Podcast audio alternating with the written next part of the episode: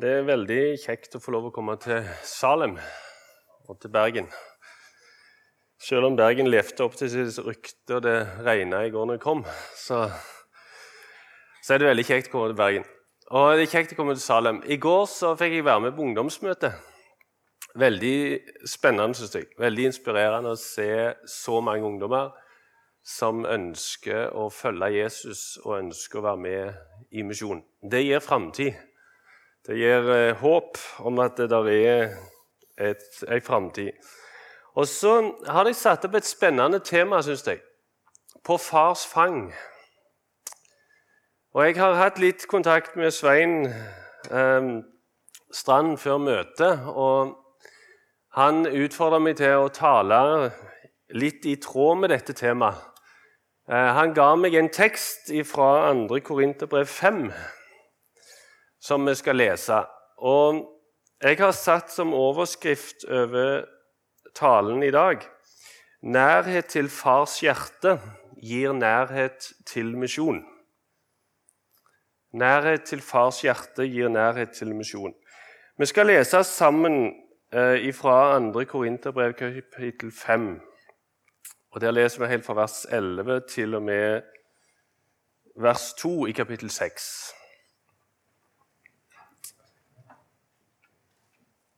og Der står det Jesu navn. Da vi altså kjenner frykten for Herren, søker vi å vinne mennesker. Men for Gud er vi åpenbare. Jeg håper også å være åpenbar for deres samvittigheter. Ikke så at vi igjen anbefaler oss selv for dere, men vi gir dere anledning til å rose dere av oss, så dere kan ha noe å sette imot dem som roser seg av det de er i det ytre, og ikke i hjertet. For om vi var fra oss selv, så var det for Gud. Og er vi ved sans og samling, så er det for dere. For Kristi kjærlighet tvinger oss, eh, og så, eh, og så har vi gjort det klart for oss. Når én er død for alle, så har de alle dødd. Og han døde for alle, for at de som lever, ikke lenger skal leve for seg selv, men for ham som døde og oppsto for dem. Så kjenner vi fra nå av ikke noen etter kjødet. Har vi òg kjent Kristus etter kjødet, så kjenner vi ham nå ikke lenger slik. Derfor, om noen er i Kristus, da er han en ny skapning. Det gamle er forbi, se, alt er blitt nytt. Men alt dette er av Gud, Han som forlikte oss med seg selv ved Kristus og gav oss forlikelsens tjeneste. Det var Gud som i Kristus forlikte verden med seg selv, så han ikke tilregner dem deres overtredelser og la ned i oss ordet om forlikelsen.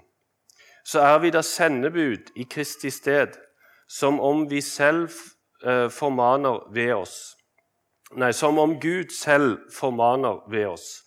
Vi ber i Kristi sted, la dere forlike med Gud. Han som ikke visste av synd, har Gud gjort til synd for oss, for at vi i ham skal bli rettferdige for Gud. Men som medarbeidere formaner vi dere også at dere ikke forgjeves tar imot Guds nåde. For han sier:" På den tid som behaget meg, bønnhørte jeg deg, og på frelsens dag kom jeg deg til hjelp. Se, nå er nådens tid. Se, nå er frelsens dag. Slik lyder Herrens ord. Ja, kjære himmelske Far, vi takker deg for ditt ord. Vi takker deg for at du ønsker å tale til oss. Takk for at du har gitt oss Den hellige ånd, og nå ber vi om at du ved din ånd vil åpenbare ordet for oss. Og at vi kan få kjenne og komme nær deg. Vi ber om at du taler til oss, Herre, i ditt navn. Amen. For 125 eh, år siden så skjedde det noe noen gater lenger ned her. Eh, Da var det eh, noen jenter som eh, hadde hørt om alle de millionene i Kina eh, som ikke hadde hørt om Jesus. Alle de tusenvis av kinesere som dør hver dag uten å ha kommet til tro på Jesus. Og så ville disse jentene gjøre noe med det. De prøvde å få med seg noen menn. Eh, historiebøkene sier det at eh, Brandtzæg skriver senere at eh, disse damene de trygla og ba. Og de måtte overbevise disse mennene om at det hadde noe for seg å prøve å etablere en misjonsorganisasjon og sende misjonærer til Kina. De var ikke overbevist til å begynne med. Det var en som sa det at det, det er som å kaste mjøl på havet. Det kommer bare til å forsvinne. Motargumentet var 'Gud har mjøl nok'. Ingenting er umulig for Gud. Deres opplevelse av dette var så sterkt at de trodde ingenting var umulig for Gud. Så ble NLM etablert i eh, Betlehem, forsamlingslokale over her, i 1891, i pinsen. To-tre måneder seinere sendte de ut de første misjonærene. De sendte ut åtte misjonærer i september samme år. De jobba raskt på den tida. Eh, kanskje screeningen var litt raskere enn eh, er i dag. Men de hadde i alle fall åtte stykk som de sendte ut veldig raskt. Jeg har lurt på mange ganger hva var det som drev disse menneskene? Hva var det som, som var drivkraften deres? For noen år siden så fikk vi besøk fra Kina. Da kom det noen eh, kirkeledere fra den offisielle kirka, det som vi ofte kaller for Tre Selv-kirka i Kina. Det var det første offisielle besøket til Norge eh, etter at Mao overtok i 1949. En av de som kom, var pastor Tang. Jeg kjenner han godt fra når vi bodde i Kina. Uh, han er nå en av topplederne i, i Den kinesiske kristne råd. Uh, men han kom til, Kina, nei, til Norge på besøk. Offisielt besøk til NLM. Og Det var veldig spennende å reise rundt med han og høre hans tanker og refleksjoner. Han hadde vokst opp i det kommunistiske Kina. Og for dem så er de indoktrinert med at misjon det er imperialisme. Misjon er noe negativt. Det var noen som kom utenfra og prøvde å presse noe på kineserne. Jeg studerte i USA med ei kineser. Hun hadde bodd tre år i USA. Og Hun fortalte meg når jeg kom til USA, så tok det meg tre år før jeg forsto at ordet misjonær kunne være noe positivt. Og at ordet misjon faktisk kunne være positivt. For hun var så indoktrinert med at det var noe negativt. Men så kommer disse kirkelederne til Norge for å besøke en misjonsorganisasjon. Noe av det de observerte, var at det er langt fra Norge til Kina. De kom jo med fly. Det var første gang de hadde flydd så langt. Eh, men de visste jo det at de første misjonærene de reiste med båt. Og det tok lang tid å reise til andre siden av jorda med båt. De kom inn i en helt ny kultur. De kom inn i et helt nytt samfunn han begynte å forstå litt av at det er store forskjeller mellom det samfunnet misjonærene reiste fra, og til det de kom til. Det, han begynte å forstå at det kosta å bringe evangeliet.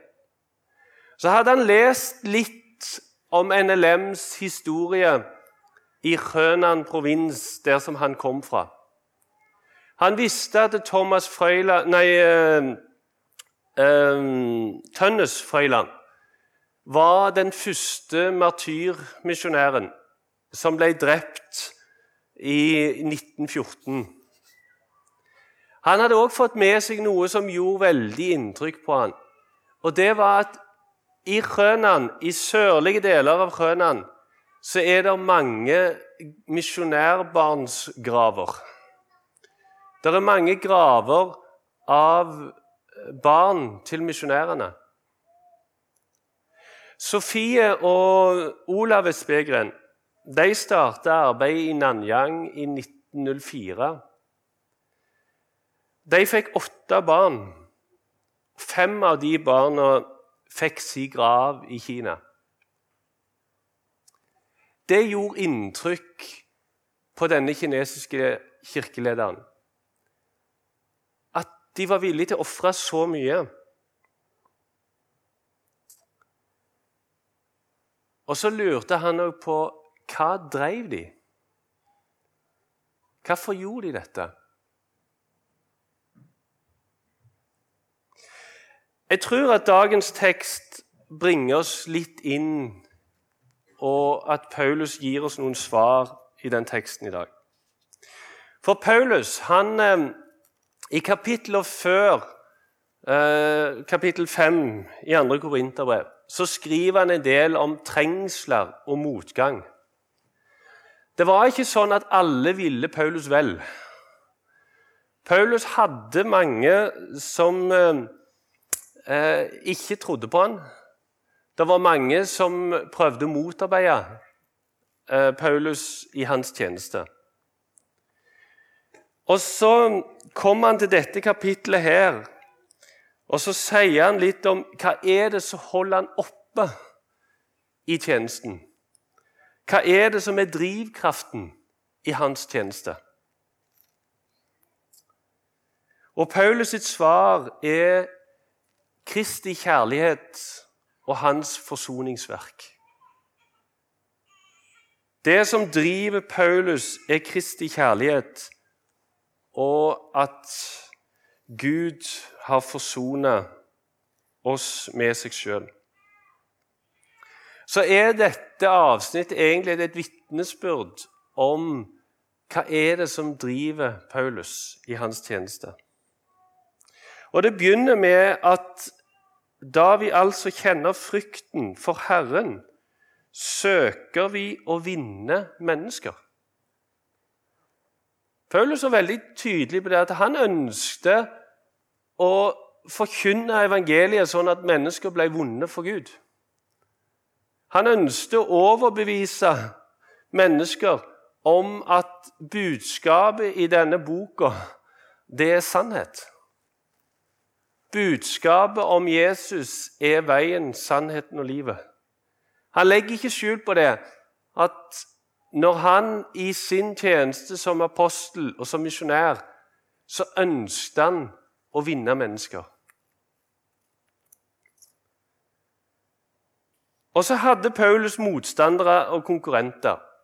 Og han har nok et behov for å forklare til dem Eh, hva er det som driver meg? Det virker som om det var andre forkynnere som kom til menigheten i Korint. Noen av dem hadde med seg et anbefalingsbrev. Et brev som kanskje hadde et fint stempel av en kjent person som hadde anbefalt dem Eh, noen hadde kanskje med seg eh, akademiske eh, titler og forskjellig. Men i alle fall så kom de med et anbefalingsbrev. Paulus sier han vi kommer ikke med noe anbefalingsbrev. Det kan virke som om noen av de tjente penger på å forkynne. Det, det kunne virke som det var en viktigheten av ære.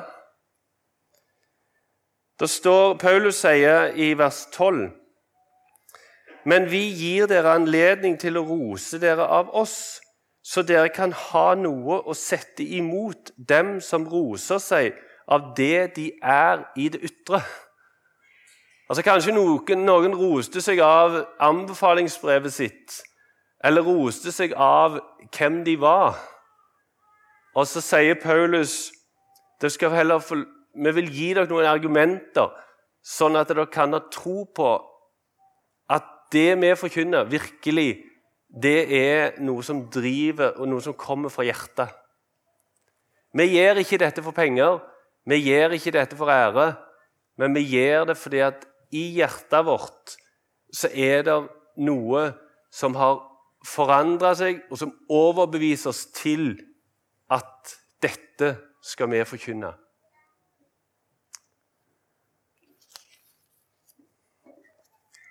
Og Så ser vi det at eh, hvis dere leser i Korinterbrevet, så, så var det mange problemer. Jeg vet ikke hvordan det er i Salem, men jeg tror ikke det er så galt i Salem som det var i Korint. Eh, I Korint der var det mange utfordringer. Det var eh, skiller mellom folk, det var eh, mange utfordringer om hvordan en skulle forholde seg til tungetale, til syner, til visjoner og masse ulike ting.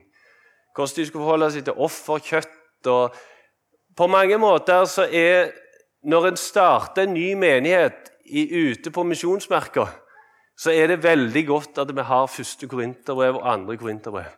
For der møter vi mange av de samme utfordringene som en møter når en etablerer nye forsamlinger.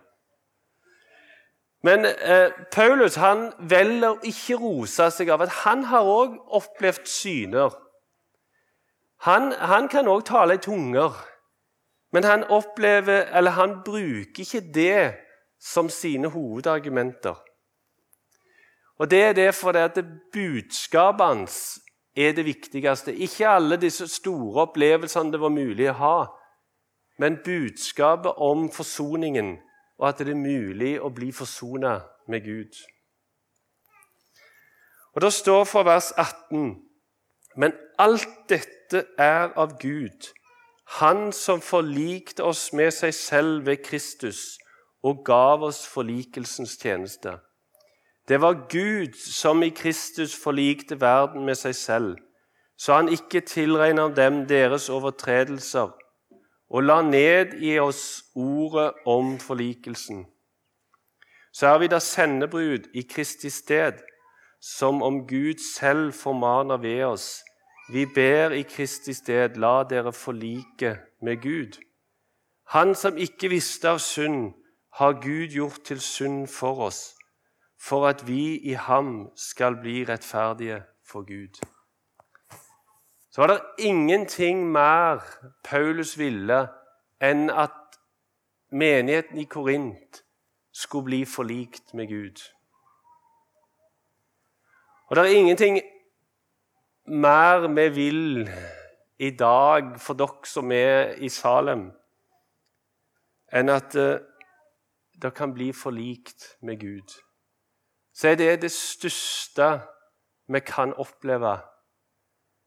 At vi får se at Han som ikke visste av synd, har Gud gjort til synd for oss, for at vi i ham skal bli rettferdige for Gud.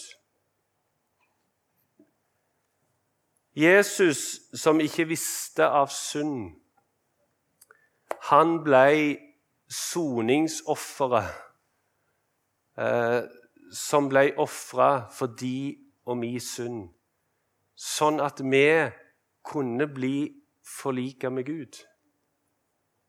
Sånn at vi kan bli rettferdige overfor Gud. Romerbrevet 3 så står det i vers 24 eh, Og dette blir Og de blir rettferdiggjort uforskyldt av Hans nåde ved forløsningen i Kristus Jesus han stilte Gud til skue i hans blod som en nådestol ved troen for å vise sin rettferdighet, fordi han i sin langmodighet hadde båret over med de synder som gjort eh, som før var gjort. Ved dette ville Gud vise sin rettferdighet i den tid som nå er, så han kunne være rettferdig og rettferdiggjøre den som har troen på Jesus. Så ser vi her at Gud han, Her brukes et annet uttrykk, at Gud erklærer rettferdig. Eh, nesten som en rettssak der eh, noen står på tiltalebenken og er skyldig. Og så kommer det noen og tar straffen, og så blir han erklært uskyldig. Og så får en rettferdigheten til den så, ble, så får en en rettferdighet som en ikke fortjente. Så er det å komme på fars fang at en kan få lov å oppleve det at Gud tilgir våre synder. At Gud erklærer deg rettferdig på grunn av det som Jesus har gjort. I kapittel 4 i Romerbrevet så står det slik priser også David det mennesket salig som Gud tilregner rettferdighet uten gjerninger. Salig er de som har fått sine overtredelser tilgitt og sine synder skjult. Salig er den mann som Herren ikke tilregner synd. Ordet 'salig' betyr lykkelig, eller i den beste situasjonen kan være. Eh, og det er når vi har fått våre overtredelser tilgitt, våre synder skjult. Salig er den mann som Herren ikke tilregner synd. Luther han kalte det for det salige byttet. At vår synd ble bytta med Jesu rettferdighet, og så fikk vi hans rettferdighet. Og da kan vi komme med frimodighet inn på fars fang. I Hebreabrevet 10 så står det at av Jesu blod har vi nå frimodighet til å tre like inn i helligdommen. Av det som Jesus har gjort, så kan vi med frimodighet få komme helt inn på fars fang. Og vite det at der har vi lov å være. Han ønsker å ta imot oss. Han ønsker fordi at vi er tilgitt, vi er rene og rettferdig på grunn av det som Jesus har gjort. Så er det altså i, i denne Kristi kjærlighet, altså den opplevelsen som Paulus har hatt av at han er blitt tilgitt, han er blitt erklært rettferdig Det er det som tvinger han han sier Kristi kjærlighet, forsoningen med Gud, det er det som tvinger han til å forkynne.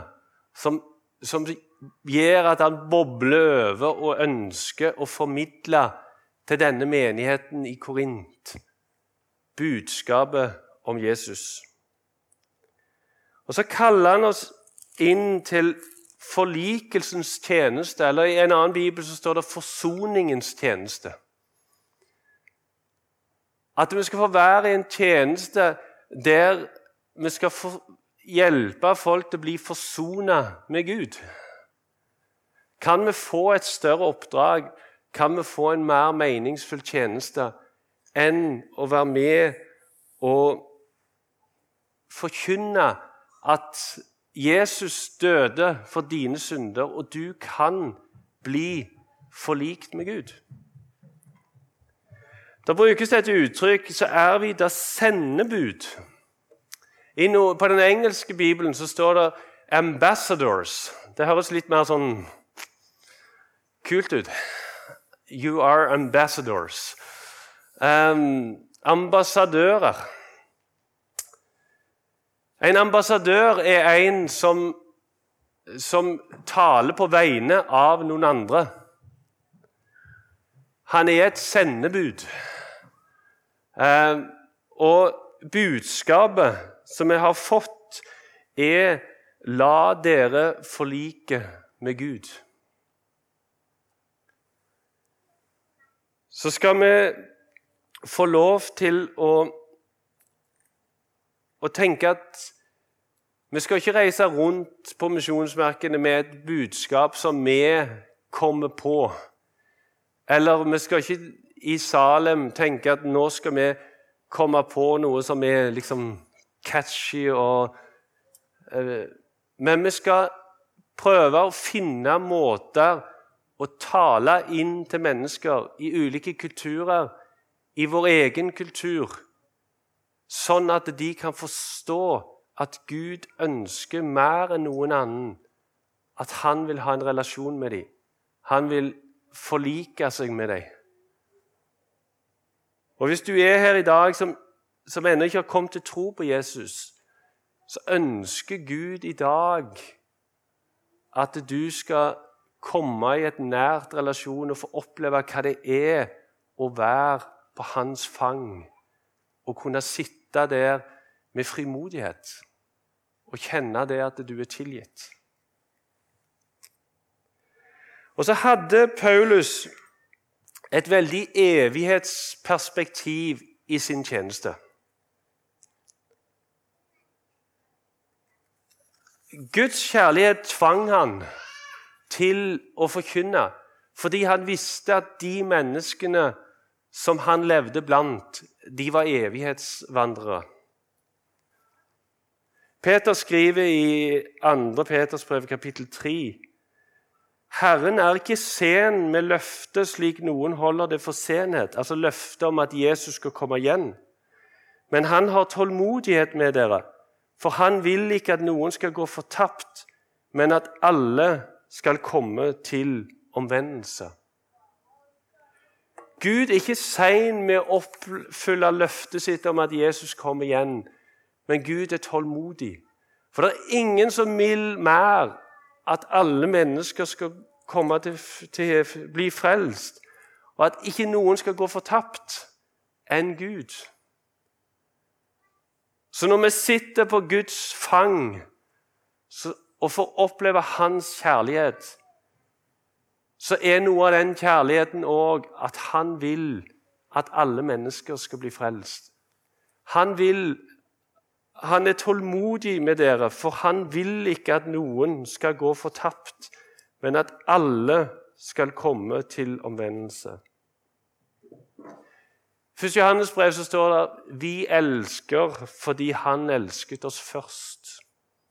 Så begynner det med at vi er elsket av Gud. Derfor kan vi elske de menneskene vi lever blant. Til slutt tilbake til pastor Tang, som kom på besøk til Norge. Det som gjorde størst inntrykk på pastor Tang, var møtet med misjonsfolket på bedehusene i Norge. Han sa det at det å møte spesielt de eldre de menneskene som hadde levd et helt liv De hadde aldri vært på Kina, i Kina, men de visste hvor Kina var på kartet. Um, de hadde levd hele livet sitt, bedt for Kina. De hadde bedt for de kristne i Kina under kulturrevolusjonen, under de tidene det var forfølgelse. De hadde ofra penger for Kina. Og pastor Tang han formidler at det å møte disse menneskene, kjenne de håndtrykkene fra mennesker som virkelig hadde et hjerte og en nød for disse menneskene langt vekke, som de aldri hadde sett, aldri møtt. Men Kristi kjærlighet hadde gjort noe med dem sånn at de, de virkelig hadde en nød for dem. Det gjorde inntrykk på pastor Tang. Og så er vi med på noe stort. Vi er med på å bringe evangeliet ut til nye folkeslag. Jeg ser tida går fort. Jeg skal jeg skulle ønske å tatt dere med inn i noen av de situasjonene som er i Kina i dag. Men disse som starta for 125 år siden, som sa at Gud hadde mjøl nok, de hadde rett. I dag er det kanskje 100 millioner kristne i Kina. I noen av de områdene der som NLM sine misjonærer reiste, er det i dag millioner av kristne. Jeg tror aldri de jentene engang hadde en idé om hva de var med å starte. Men Gud har gitt vekst, skal vi be. Kjære himmelske Far, vi takker deg for at du sendte din sønn til soning for våre synder. Og takk, Herre, at mine synder, våre synder, de ble hengt på korset når du ropte ut 'fullbrakt'. Og så blir vi erklært rettferdige, Herre. Så får vi motta din rettferdighet. Og så kan vi få lov til å komme med frimodighet fram for deg og vite det at i ditt blod, Jesus, så er vi rene, vi er rettferdige, vi tilgitt, vi er fri, vi kan ha fred. Herre, jeg ber om at hvis det er noen her i dag som, som lengter etter den freden, at du vil vise deg for dem, at du kan åpenbare deg for dem. Og så ber vi, Herre, om at vi kan få lov å være med og bringe det fantastiske budskapet til nye mennesker. Mennesker rundt oss og til de landene til de områdene som ennå aldri har hørt om deg. Herre, takk for at vi får lov å være dine sendebud. Og vi ber oss om at din kjærlighet kan tvinge oss inn når vi møter mennesker, at vi møter dem med ditt blikk at vi møter dem med din kjærlighet. Så takker vi deg, Herre, at du vil at alle mennesker skal bli frelst. Takk for at du ennå er tålmodig. Takk for at du ennå kaller mennesker til omvendelse. Herre, vi lovpriser ditt navn og takker deg for din storhet. Amen.